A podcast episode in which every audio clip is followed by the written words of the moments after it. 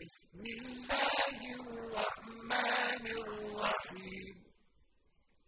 لإيلاف قريش. إيلافهم رحلة الشتاء والصيف. فليعبدوا رب هذا البيت الذي أطعمهم